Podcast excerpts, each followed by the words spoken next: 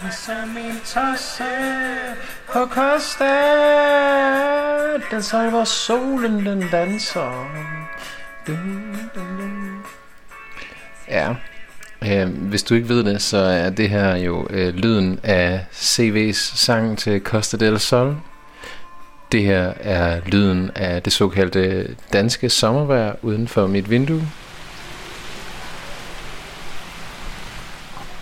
Og det her er lyden af en gin and tonic, der snart kalder på en refill. Og så tænker du måske, hvad skal alt det her til for? Jeg er glad for, at du spørger. Fordi i dag, der skal vi en tur til Costa del Sol. Nærmere betegnet til Fuengirola, hvor Elisa er strandet. Elisa, hun øh, arbejder for den danske sømandskirke dernede, og det synes jeg lyder meget mystisk. Jeg aner simpelthen ikke, hvad en sømandskirke laver, og der slet ikke på Costa del Sol. Men grunden til, at jeg blev opmærksom på hende, var fordi, at jeg så et debatindlæg, hun havde skrevet i øh, en avis, hvor i hun øh, kritiserer begrebet sabbatår. Og det gør hun, fordi hun synes, hun er træt af at øh, hele tiden skulle forsvare sig selv, når nu hun tager øh, sit tredje år efter gymnasiet, hvor der ikke øh, sker noget i uddannelsesregi. Så selvom jeg sådan coronamæssigt sagtens kunne have mødtes med øh, Elisa in real life, så er det lige nu en flysituation, der står i vejen for, at hun ikke er hjemme endnu.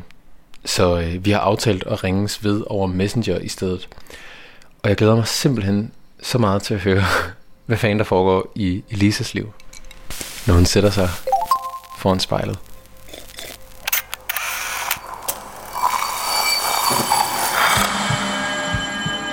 Vi ser os i spejlet hver dag. Som regel er det i forbifarten. Vi scanner lige kort, om vi ser ud, som vi skal, inden vi fortsætter vores dag. Vi ser det samme spejlbillede igen og igen, i små øjeblikke. Men hvad sker der, når vi tager os tid til at se os selv i spejlet? Hvad ser vi, når vi ser os selv i øjnene? Sådan rigtigt. Hver uge vil vi besøge fem unge og bede dem om at bruge en time selskab med deres eget spejlbillede. Jeg hedder Mads Bjørn Lundsgaard, og du lytter til spejlet.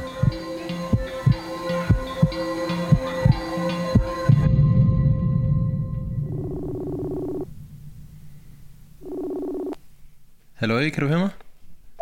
Ja. Hej, fedt. Ja, det kan jeg. Så lykkedes det. Ja, endelig. Havde du fået lavet et setup hjemme hos dig med øh, mikrofon? Ja. Sådan. Hvad hedder det, Elisa? Er det støjen fra internettet, eller er det en øh, sommerbrise i Fuengirola, jeg kan høre bag dig? Jeg tror, det er støjen fra internettet. Fordi her i lejligheden, der er helt... Øh, der er stille. Nå, men man kunne måske godt alligevel drømme sig væk, til du sidder ja. nede på solkysten. Ja, det er dejligt. Jeg har også lige lukket for altandøren, fordi det vil nok komme til at larme lidt for meget med alt det fuglefløjteri. ja. Elisa, vil du ikke lige være mine øjne inde i dit øh, værelse der og fortæl mig, øh, fortæl mig lidt om dit rum? Jo, det vil jeg i hvert fald gerne. Jeg øh, har sat mig i min øh, meget spanske, meget store sofa i, øh, i min stue, mm, som er sådan en, en stue- og køkken-nalrum-agtig. Meget lyst og ikke særlig spansk, ellers meget minimalistisk. Øhm, så sidder jeg med udsigt til min altan, hvor øh, himlen er meget blå, og jeg der er i hvert fald over 25 grader allerede nu. Det er super dejligt. Hold da. øhm, og så har jeg lige foran mig pakket alle mine, mine ting. Jeg er i gang med at pakke alle mine sager ned, fordi jeg har et fly til Danmark her på søndag. Hvis ikke det når at blive aflyst endnu. Men det var noget med, at du havde haft noget bøvl med det der med at skulle hjem til Danmark nu her. Ja, det har været lidt bøvlet, men det er også det er min egen skyld nu, når jeg ikke øh, kom hjem, da Udenrigsministeriet sagde, at man skulle hjem. Men det er, det er i forbindelse med, at jeg er fast boende hernede, så det, var, det galt jo så ikke mig, men det bliver så et problem, når man lige pludselig gerne vil hjem Ja, til ens brors studentergilde. Men øhm, nu har jeg fundet et fly, klart. som øh, det har det har lykkes andre at flyve på den her rute til Danmark, så jeg håber på det bedste. Og Elisa, du siger, du er fastboende dernede. Vil du ikke lige introducere dig selv helt kort, og øh, lige fortælle mig, hvorfor du øh, sidder jo. og kigger på den spanske sommerhimmel? det vil jeg gerne. Jeg, jeg hedder Elisa Maria, og så er jeg øh, juniorassistent ved den danske kirke i Sydspanien, nærmere bestemt i Miras, som ligger tæt på Malaga, hvor jeg har haft øh, ansvar for at være tovholder for en ungdomsgruppe hernede. Den danske kirke, sådan, det er jo ikke bare en, det er jo ikke en kirke i den forstand, men det er mere sådan et, et dansk kulturhus eller forsamlingssted, som gerne vil have, at alle danskere har det godt, når man bor i udlandet også. Øh, og fordi der er så mange unge danskere, der for eksempel har sabbatår hernede, eller er i praktik hernede, eller bor hernede med sin familie, så har man øh, tænkt, at det var en god idé at lave en ungdomsklub, ligesom man har i for eksempel Hamburg eller i London eller mange andre øh, byer, hvor unge danskere flytter til. Og du siger, det er Sømandskirken. Ja, altså det hedder DSUK, den danske sømands- og udlandskirke. Men ja, der er måske ikke, når man ikke rigtig har været inde i det, så ved man nok ikke sådan, så meget om det, men der ligger sådan om over 50 danske kirker rundt omkring i hele verden. Og det er så en af dem her i, i Sydspanien. Den klub, er det, har det sådan en religiøs karakter, det I så laver? Nej, det har det ikke. Man må være kristen, og man må, være, man må tro på en anden Gud, og man må tro på ingen Gud. Det er faktisk lige meget. Jeg bruger klubben, som, eller gruppen, som et sted, som man, som man kan føle sig tryg, når man bor langt hjemmefra. Mm. Jeg boede selv i, i London for nogle år siden, hvor jeg øh, aldrig nogensinde havde været andre steder end hjemme i Langå i, i Danmark.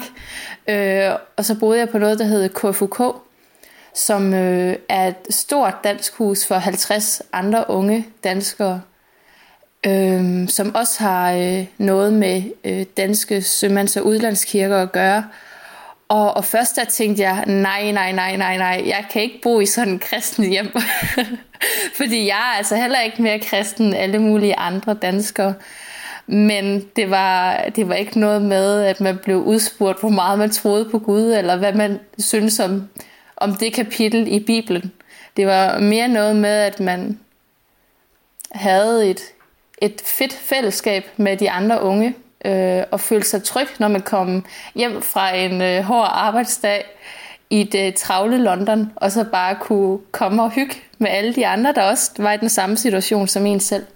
Og det er så den oplevelse, du øh, giver videre nu i Mihras? Ja, ja det jeg håber jeg i hvert fald lidt, jeg har været med til. Mm. Det er i hvert fald derfor, jeg, jeg søgte stilling. Så jeg, og jeg tror da også, at, at dem, der så har været med i den klub, jeg har været med til at lave, har følt, at det har været et dejligt sted at at komme hen, når man øh, er langt hjemmefra.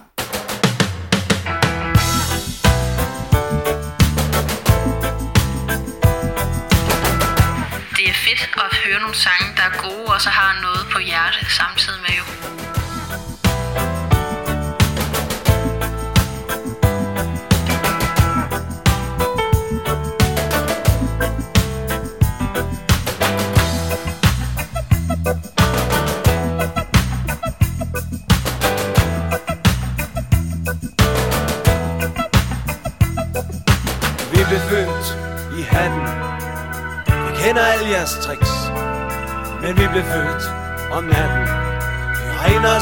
eller niks Vi er de vilde kaniner med meget lange ører. Alt hvad I visker og siger kan vi høre. Har du fred i den ene hånd og krig i den anden? Kalder de dig Gud, så visker vi at du er fred Vi er de vilde kaniner. Vi undergraver grænserne og pas Graver rygter mellem øst og vest Og vi forbinder søerne. Nord og syd og dig og mig og munden og tyrene Vi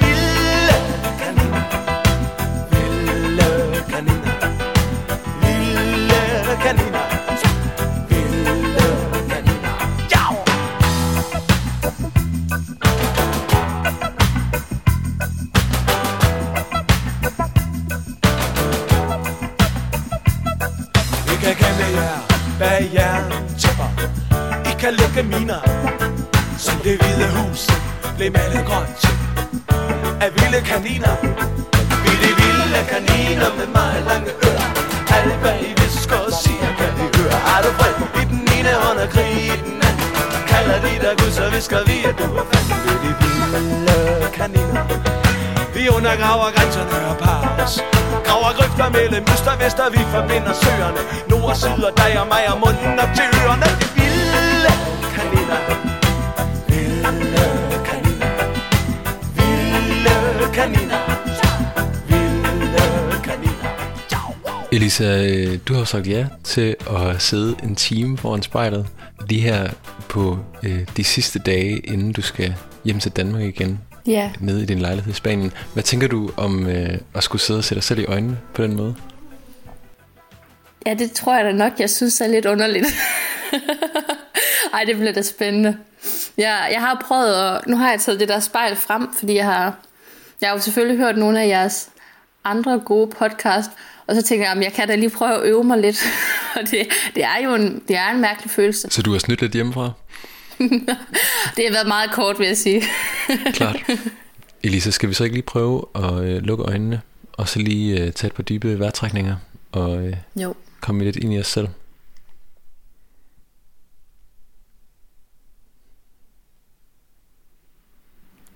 Og så prøv at åbne øjnene, Elisa. Ja. Hvad oplever du? Mm, jeg oplever en, øh, en, en pige, eller jeg ved ikke, jeg har lidt svært ved at sige kvinde. Jeg er 21 år. Jeg bliver snart 22, men jeg oplever en pige, som er utrolig dårlig til ikke at smile. selv når hun kigger sig selv i spejlet. Hvad er det for et smil?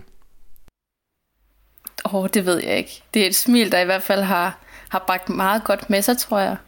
Åh, oh, det er et svært spørgsmål, men jeg tror, at med smil kommer man langt. Og jeg tror, mange af de venner, øh, jeg har, sætter pris på, sætter pris på det. Mm. Er det et smil, der har været med dig hele livet? Eller er det noget, der er kommet? Nej, det tror jeg faktisk. Jeg tror faktisk, det er noget, jeg er født med, tror jeg. Ej, jeg tror bare, jeg kan, jeg kan virkelig godt lide at smile. Og jeg håber, og jeg prøver at, have en, øh, en stor ja-hat på hele tiden. Jeg er dårlig til at sige nej til ting. Og det er jo tit en fordel. Altså, det kan bringe mange gode og, og mærkelige ting med sig. Hmm. Jeg har da for eksempel også sagt ja til at være med til det her. Det, det, hvis jeg havde haft en nej-hat på, havde jeg nok bare skrevet nej. Du ser også en ja-hat i spejlet. Ja, det gør jeg. It's a new life for me. Yeah, it's a new dawn. It's a new day. It's a new life for me. Og man kan jo ikke føle sig andet end, end godt tilpas med den sang.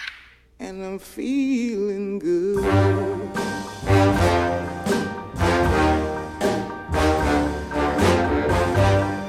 Fish in the sea, you know how I feel.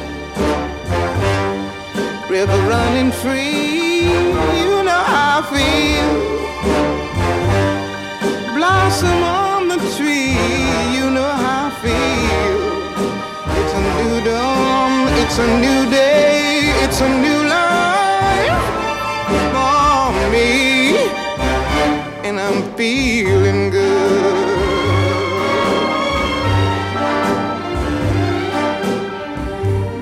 Dragonfly out in the sun, you know what I mean, don't you know?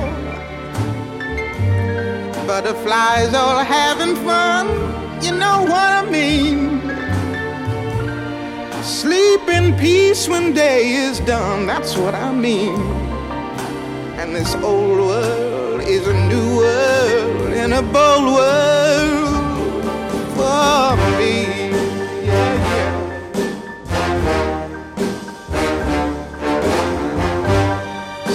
Stars, when you shine, you know how I feel. Scent of the pine, you know how I feel. Oh, freedom, Jeg hedder Elisa, og jeg ser mig selv i spejlet. I know how I feel. It's a new dawn, it's a new day, it's a new life. Elisa, det kan jo godt være, være lidt svært nogle gange, det her med sådan at beskrive sig selv i spejlet, fordi at, øh, det virker så selvfølgeligt, det man ser, fordi man ser det så ofte. Ja. Men hvis du nu lige forestiller dig, at øh, du går ned af strandpromenaden i øh, Fuenriola, mm. og du prøver at sætte dig ind i en spansk indbyggers hoved, der ser dig komme gående der, hvad tror du så vedkommende vil opleve? Ja, det er et godt spørgsmål. Øhm, jeg tror for det første, de vil lægge mærke til mit øh, meget, meget blonde, lyse hår. og min, øh, min lige så blege hud. jeg, øh, jeg har i de her måneder, jeg har altid haft meget lyst hår, men det er godt nok blevet øh, meget, meget blondt nu. Og min hud er ikke blevet særlig brun, desværre. jeg har gjort mit for at ligge på de strande, altså. Men øh, måske er det der faktor 50 alligevel ikke helt sundt. øhm, ej, så øh, efter de har set mit øh, meget lyse og blonde hår, og min, min stadig blege hud, hmm, så vil de se, at jeg går, jeg går hurtigt, i hvert fald. For jeg har altid travlt, når jeg går hen til ting. øh, og jeg har meget korte ben, så det ser nok sjovt ud, egentlig.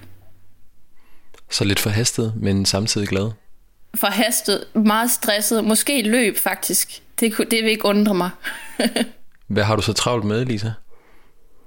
Jamen, øh, jeg kommer, alt, jeg kommer altid lidt for sent ud af døren, det skal jeg nok være ærlig at sige. Men jeg har ikke lige coronatiden, fordi der har vi ligesom skulle være i lejlighederne, men ellers har jeg, har jeg altid travlt med, at, med en masse planer. Øh, enten med mig selv, eller med mine venner, eller med mit arbejde. Og det er typisk mig, at jeg pakker mit program med mange ting. Også med lidt for mange ting, hvis der ikke helt kunne være der, men det, det, det lykkedes jo altid til sidst. hmm. Da jeg startede på højskole, der tænkte jeg, det der med at synge, det er noget fjolleri. Men det er jo det bedste i hele verden, og jeg blev så glad for det. Og mormors kolonihavehus, det er simpelthen en sang, der kan samle alle og enhver. Vi suser dus i mormors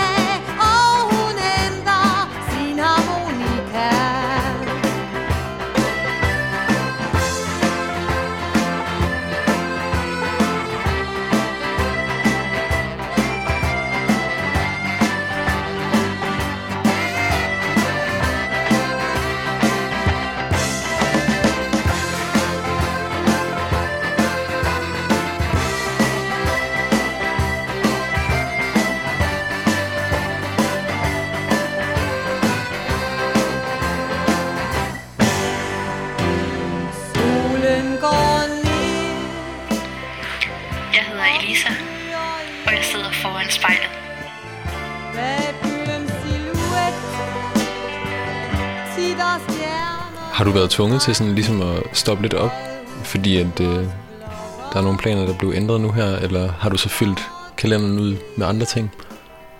Det, det har været en træls situation, at man har skulle stoppe op i. Det kan vi ikke være i tvivl om, men hvis man skal se lidt positivt i det, så tror jeg, at i hvert fald for mit vedkommende har det været meget sundt, ikke altid at have en plan.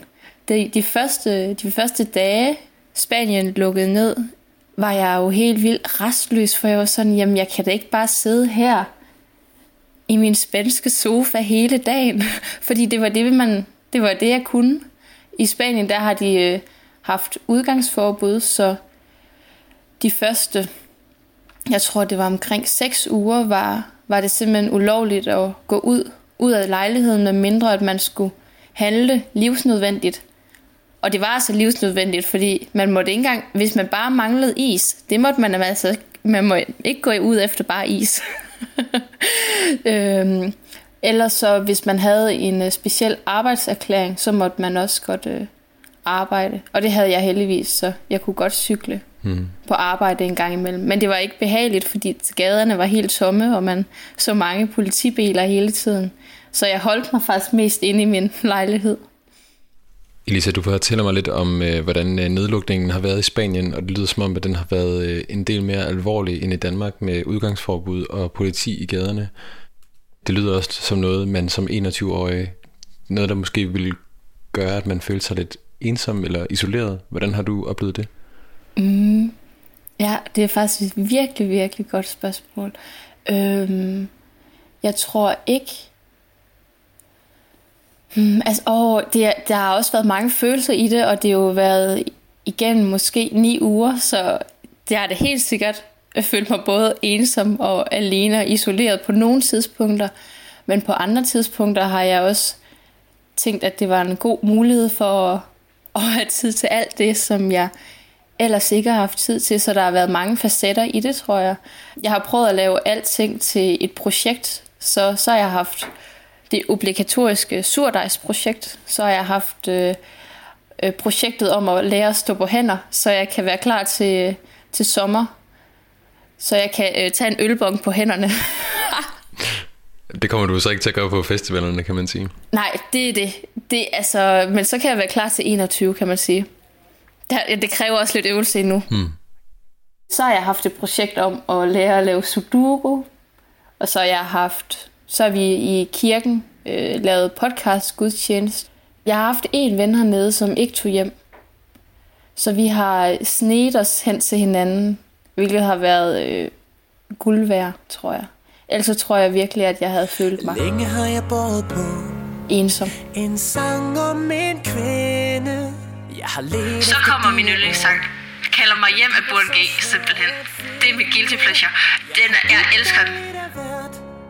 Som om dit job ikke var svært nok. Gjorde en lille dig Nu har jeg de sidste tre år været øh, meget ikke hjemme, så den passer bare. Den passer så godt, at man bliver kaldt hjem jo. Jeg husker du holdt øje med mig. Med drengene i går en, en farlig leg. Og du prøvede at nå ind til mig. Men jeg lyttede ikke. En lille umulig knægt. Jeg ved det godt. Ah, Fortæl dem alle sammen, jeg kommer hjem. Ah, Ja, jeg kommer hjem i nat. Jeg sagde det, da jeg forlod dig. At der var så meget, jeg skulle Gik ud i verden og fandt min vej. Men blev det tilbage til dig. Jeg hørte dig kalde mig hjem.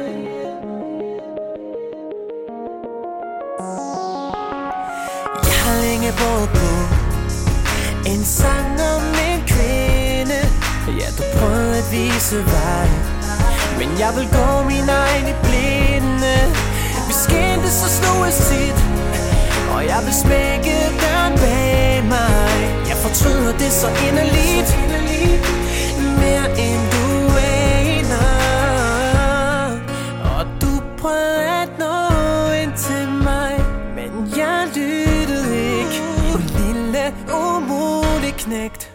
Jeg ved det godt. Fortæl dem alle sammen jeg kommer hjem yeah, Jeg kommer hjem i nat. Jeg sagde det da. Jeg hedder Elisa, og jeg ser mig selv i spejlet. jeg skulle Gik ud i verden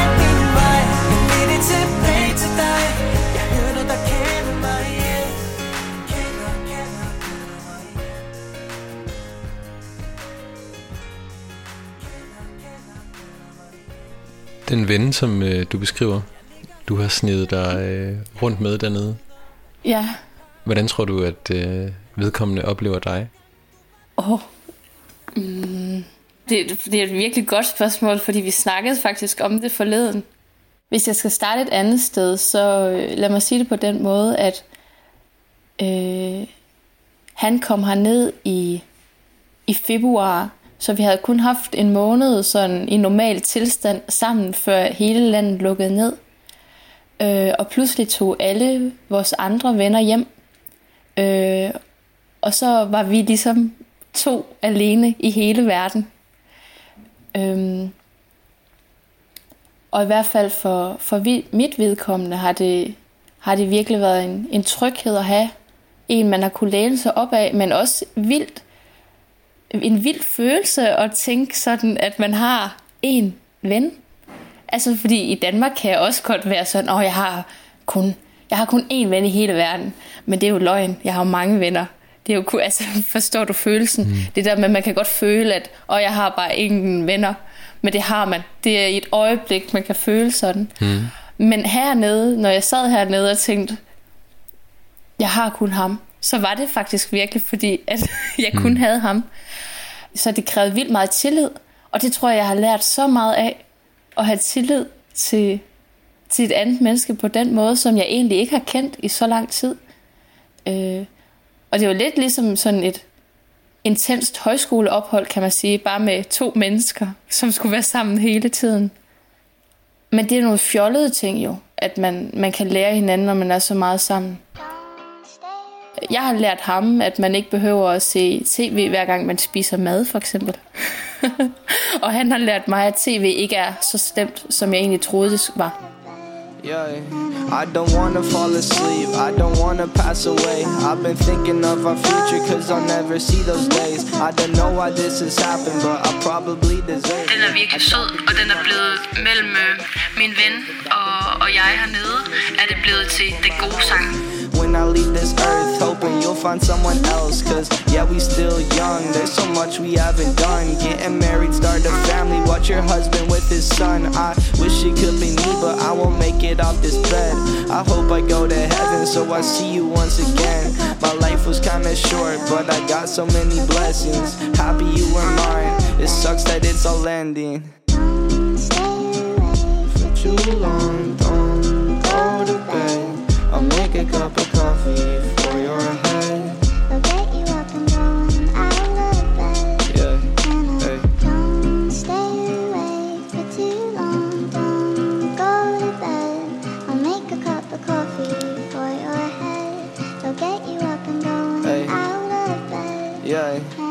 I'm happy that you here with me. I'm sorry if I tear up. When me and you were younger, you would always make me cheer up. Taking goofy videos and walking through the park. You would jump into my arms every time you heard a bark. Cuddle in your sheets, sang me sound asleep, and sneak out through your kitchen at exactly 103. Sundays went to church, and Mondays watched a movie. Soon you'll be alone, sorry that you have to lose me.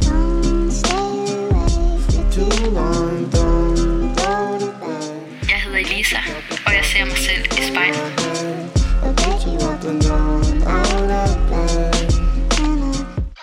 Elisa, øh, grunden til, at jeg faldt over dit navn, var jo, at jeg sad og læste øh, information nede på min lokale kaffebar, og at du så lige pludselig optræder med et debatindlæg, hvor i du kritiserer brugen af ordet sabbatår om den situation, som du står lige nu, mm. i hvert fald kalder på sådan en ja. redefinition af det her ord. Vil du ikke lige øh, opsummere dit argument? jo, det vil jeg gerne. Hele indlægget er, er på baggrund af mine tre års sabbatår. Jeg blev student i 2017, og havde egentlig også bare tanken om, at jeg, jeg skulle have et enkelt sabbatår. Så jeg tog til London på KFUK øh, og havde et, et fantastisk halvt år. Men så blev det øh, forår og sommer, og jeg, jeg var bare slet ikke klar til at studere, og jeg var jeg vidste slet ikke, hvad jeg egentlig gerne ville studere. Øh, så jeg tænkte, at jamen, så lad mig da tage det andet sabbatår. Og det var der jo på den måde heller ikke noget galt i. Dem, jeg skulle overbevise, for det skal man faktisk allerede ved anden sabbatår, hvorfor at et ikke bare var nok. Jeg, jeg overbeviste dem, og jeg tog på højskole, og jeg arbejdede også på et plejehjem. Og så blev det forår og sommer igen. Og jeg søgte ind på Journalisthøjskolen og fik den der optagelsesprøve foran mig. Og jeg havde bare virkelig ikke lyst til at, at udfylde den optagelsesprøve. Fordi jeg havde ikke, jeg kunne ikke se mig selv skulle studere øh, det efter sommerferien. Så søgte jeg ind på antropologi, øh, og kom også ind i Aarhus. Antropologi, jeg synes, øh, det har et højt øh, gennemsnit, og det er svært at komme ind på, og jeg havde brugt lang tid på at skrive en kvote 2-ansøgning. Og da jeg så endelig kom ind, der var jeg sådan, jamen, det har jeg jo heller ikke lyst til.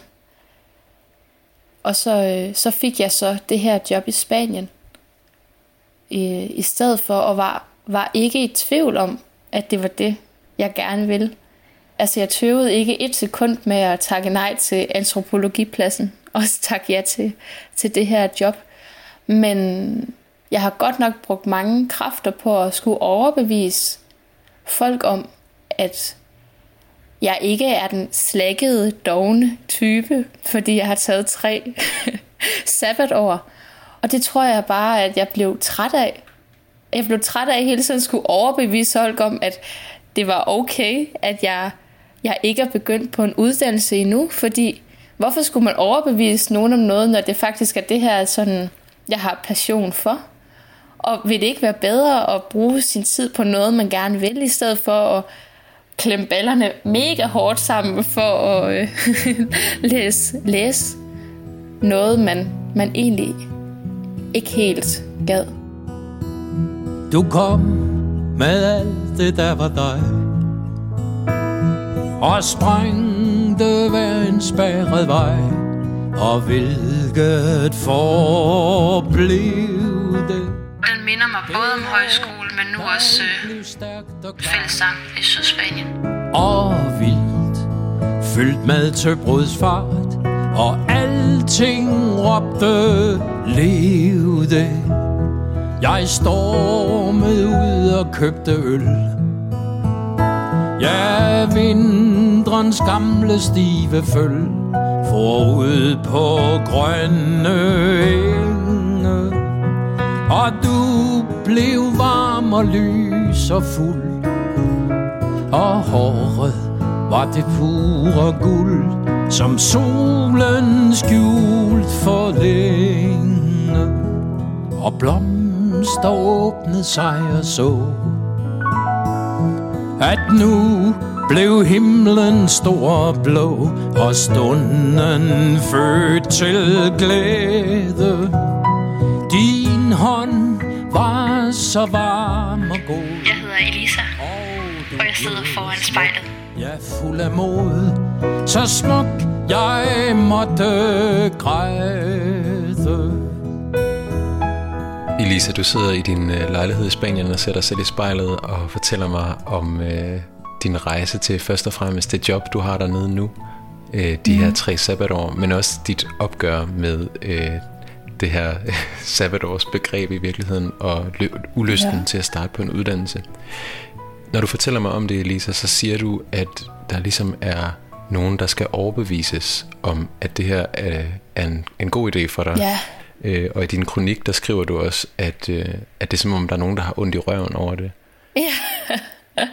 Kan du prøve sådan lige at udpensle det for mig? Hvem er det, der retter den kritik mod dig? Hvem er det, der skal overbevises? Ja, ej, men altså. Fordi det er næsten det værste af det hele. Det, det er jo faktisk folk, jeg ikke rigtig kan sætte navn på. Fordi det ville være noget andet, hvis det var mine forældre. Hvis det var mine forældre, der havde været sådan, du skal ikke tage et til sabbatår. Men det er det ikke, fordi at de mest støttende forældre, man nogensinde kan få. Og hvis de synes, eller hvis jeg synes, at det er en god idé at tage tre sabbatår, så uanset om de synes det eller ej, så synes de det i hvert fald nu. og det er jo, det er jo fantastisk. Men det er mere... Øh... Oh, jamen hvis jeg nu for eksempel tager det eksempel, som jeg også kom med i, i kronikken, hvor øh, jeg lige er startet på øh, dette job hernede, og så jeg sidder og øver, øh, øver klaver til nogle øh, fællessange, jeg, vi skal spille. Øh, og så kommer der en ældre mand hen og hilser, og jeg hilser igen, og så siger han, hvad jeg studerer. Og så siger jeg, jeg studerer ikke, det her det er mit, øh, mit tredje sabbatår. Og så siger han, det er virkelig dyrt. Og så, og, og, og så tænker jeg lidt, og så må jeg jo prøve at overbevise ham, og så tænker, siger jeg, øhm, jamen, jamen, altså, det er jo selvfølgelig dyrt at, at komme ud og rejse og tage på højskole, men man sparer jo også mange penge op øh, i Danmark for eksempel. Så for de fleste af mine venner, og for mig, der er det i hvert fald gå sådan nogenlunde op. Og så siger han videre, jamen det er ikke det, jeg mener. Det er din pensionsordning, jeg taler om. Og så, jeg ved ikke, hvad jeg skal svare til det, fordi jeg har aldrig nogensinde tænkt over, at min pension blev, blev dårligere af, at jeg tog tre sabbatår. så jeg tror, det er det der med, at der er så mange udefra, der gerne vil blande sig i, hvad det er, jeg går og laver, og jeg er ved at være træt af, fordi hvorfor er det implicit blevet det rigtige valg, at man skal studere? Og hvorfor skal det gå så hurtigt, hvis man ikke føler, at det er der, man er i livet lige nu? Jeg vil da 100 gange hellere have det her øh, job nu, end have startet på eksempelvis Journalisthøjskolen for at finde ud af, jamen, det vil jeg stadig ikke, og det var ikke noget, jeg kunne presses ned i. Men uh, Elisa, nu nævner du ham her, en tilfældig fyr, der kommer forbi og, ja. og, og, og siger noget om en, en pensionsopsparing som et eksempel på, at der på en eller anden måde sådan kritiseres dit, dit valg om sabbatår. Hvis du nu lige prøver at kigge dig selv i øjnene i spejlet, ikke? Jo.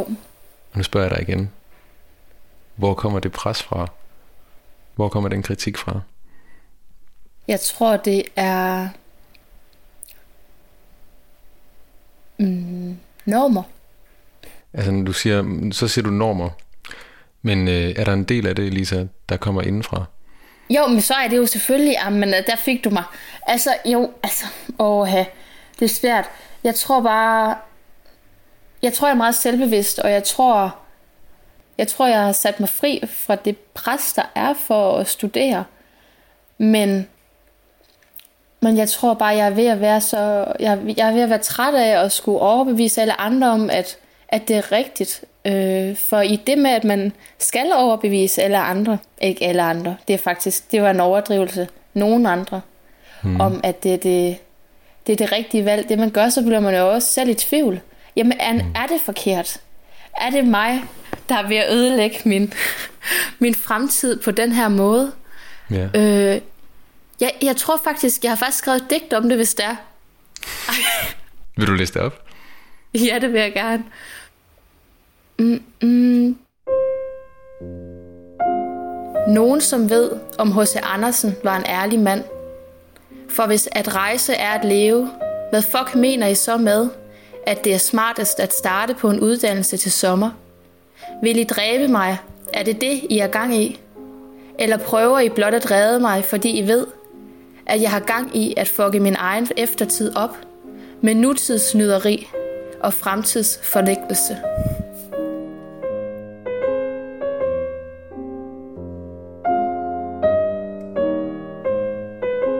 Om man har en god dag eller dårlig dag, så er det bare god at, god at spille. Man kan få alle følelser ud. Det er helt fantastisk.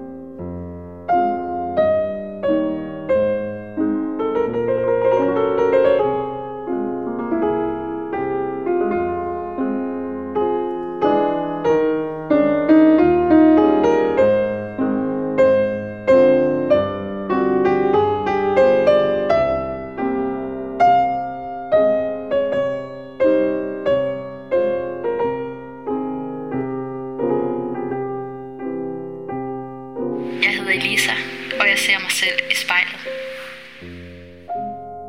Elisa, det lyder også som om, at du har, du har ret sådan høje forventninger til dig selv, men at du også øh, heldigvis indfrier dem. Man må jo prøve.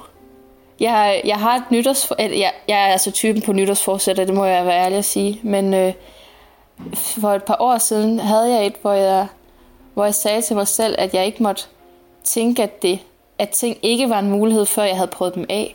Altså det der med, at man kan hurtigt tænke sådan, nej, det kan jeg ikke. Det kan jeg ikke. Det har jeg ikke øh, evner til, eller det får jeg aldrig lov til, eller hvor, hvor ofte der, der kan man jo faktisk sagtens. Jeg søgte det her job øh, øh, to gange. Og den første gang, der blev jeg, der blev jeg vist nummer to, hvor jeg tænkte, åh for helvede. Undskyld. men, øh, men så søgte jeg jo bare en gang til, og så fik jeg det jo. så man kan jo bare lige prøve en gang til, eller, eller prøve lidt mere, så, så lykkes det jo meget godt, oftest. Ja, det er et meget godt råd at give videre. det var så lidt i hvert fald.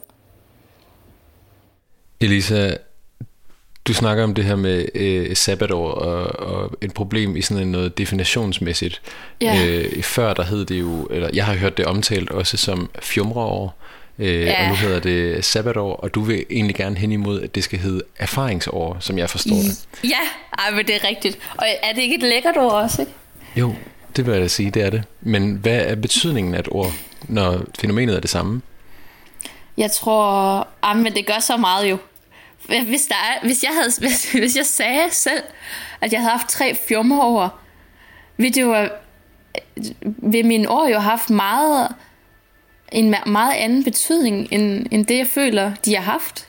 Så havde det jo noget, været noget, hvor jeg havde drukket mig stiv hver weekend, og ikke lavet noget i hverdagene.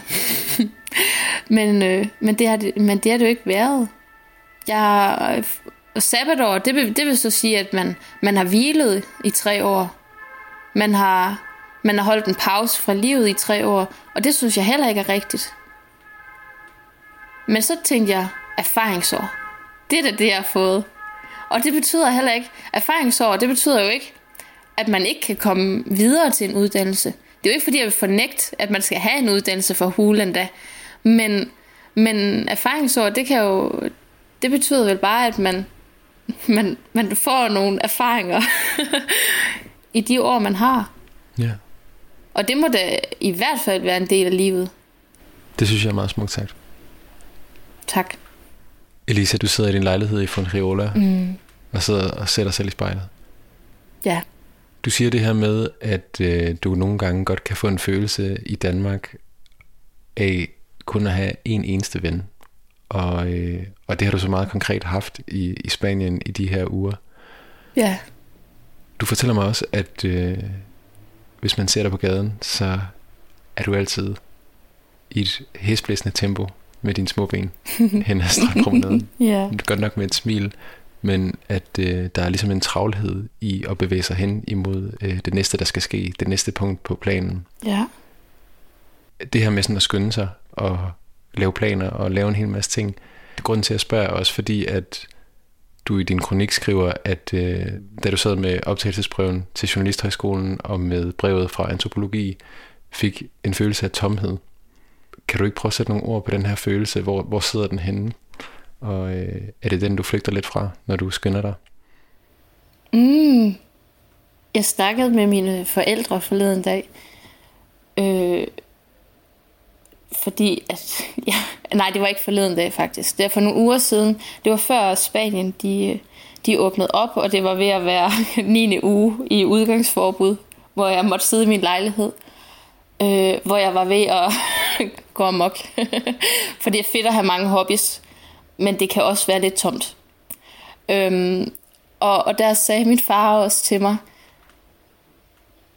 Elisa, du er bare bedst, når du har gang i noget. Og så det er bare så rigtigt. Jeg kan hurtigt føle mig, jeg kan hurtigt føle mig tom, når der ikke sker noget. Og det er jo en frygtelig følelse. Det er jo fry- det et frygteligt scenarie, at jeg føler mig tom, hvis ikke der er nogen planer. Men måske er det også bare noget med, selvfølgelig ikke kunne acceptere det. Jeg tror, at corona har haft har, har gjort sit for at lære og bare være. Men jeg tror det også bare, at jeg har indset, at jamen, jeg, jeg nyder. Jeg nyder at have ting at lave, og jeg nyder at, at være sammen med mine venner. Jeg, jeg nyder virkelig selskab, og jeg nyder... Ej, ja. Det glæder mig virkelig meget til. Jeg glæder mig så meget til at komme hjem til alle mine dejlige venner i, i Danmark. Det bliver så dejligt. Hvis du for eksempel ikke kan sove, eller hvis du tænker alt for meget, så er den simpelthen så dejlig. Det er mit yndlingsstykke.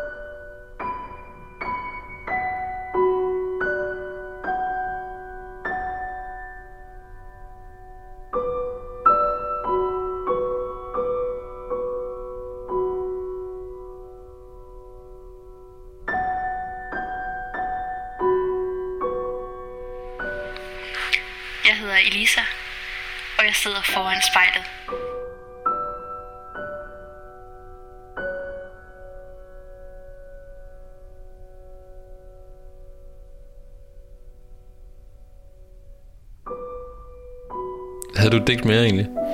Ja, det har jeg. Hvilken farve skal jeg male min væg i Aarhus? Og skal jeg overhovedet have vægge i Aarhus?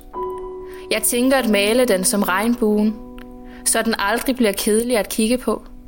Men jeg falder allerede i søvn til tanken om den, fordi tanken om at bo med den samme væg i flere år virker som om jeg snyder mig til den lette løsning.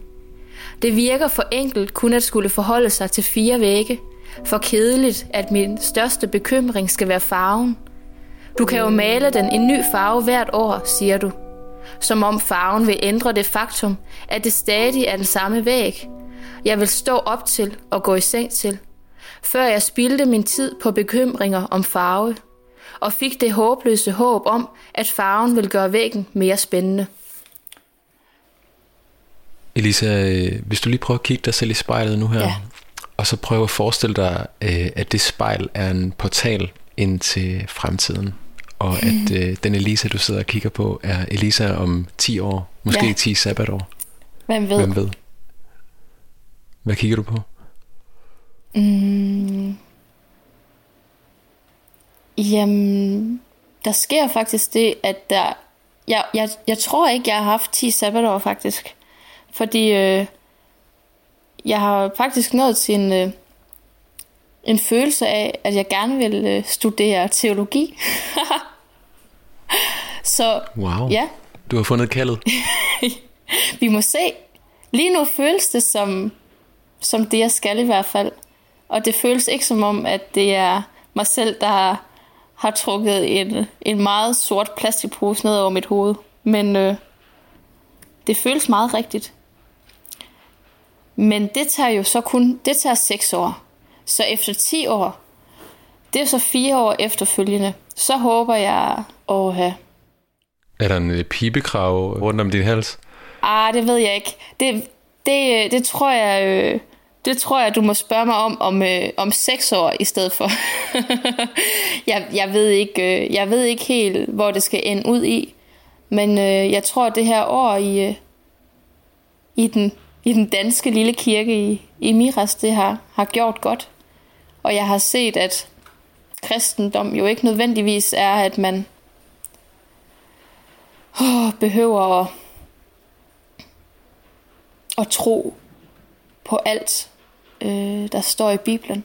Men lige så meget bare er, er en refleksion over, over de historier, og så prøve at reflektere dem øh, til det, vi, vi laver i dag. Det tror jeg kun kan være sundt at forholde sig til. Øhm, og at man kan have en, øh, en sej kristen ungdomsklub, uden at, at man behøver at være kristen. Det er da fedt, Det er det da. at der er plads til alle. Det kan jeg godt lide. Mm. Nå, men altså, jeg ved ikke, hvor jeg, hvor jeg er om 10 år, faktisk. Jeg er jo svært ved at sige, hvor jeg er efter sommerferien, hvilket jeg lige har besluttet, men jeg håber, jeg har det godt.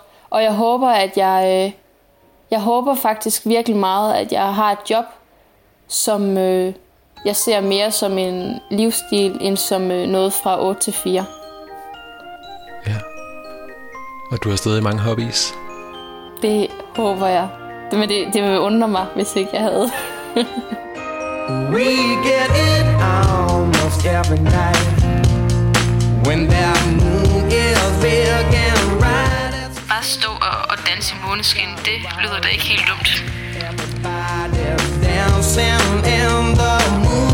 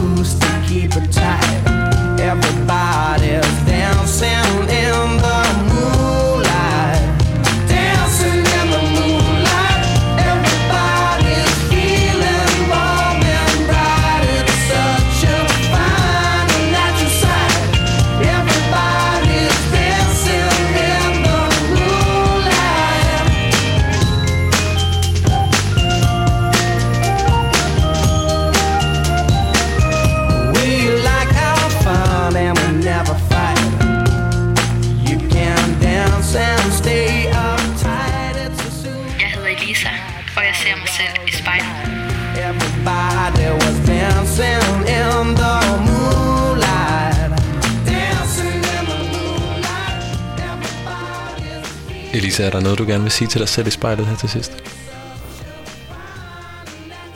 Mm.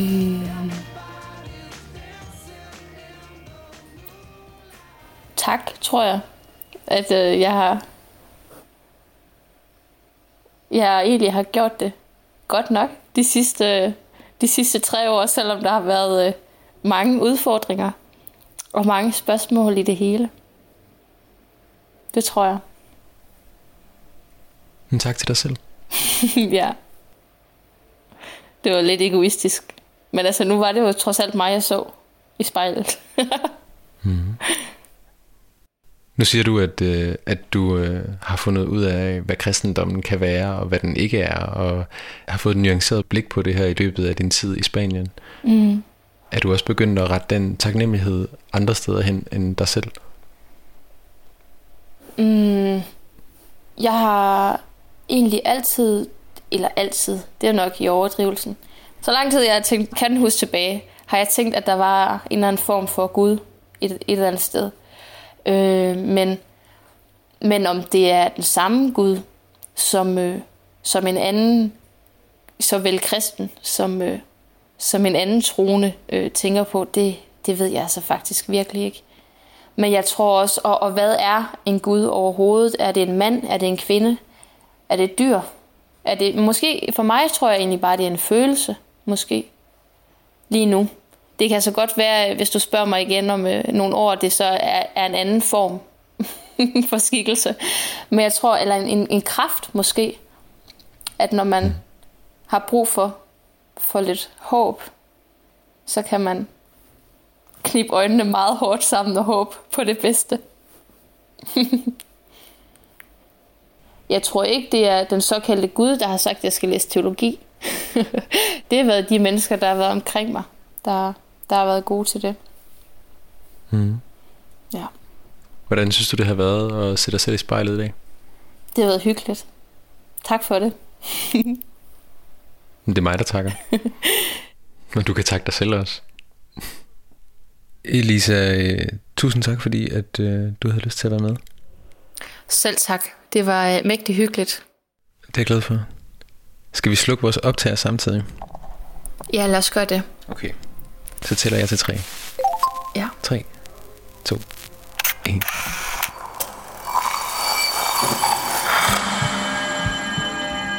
Du har lyttet til spejlet. Produceret af Kontrafej, klippet og tilrettelagt af mig. Jeg hedder Mads Bjørn Lundsgaard, og vores redaktør er Kim Pilfester. Musikken blev valgt af personen foran spejlet, og du kan finde spejlets playliste på din streamingtjeneste. Hvis du har noget på hjerte, eller hvis du har en idé til, hvem der skal foran spejlet, så skriv til os på Instagram.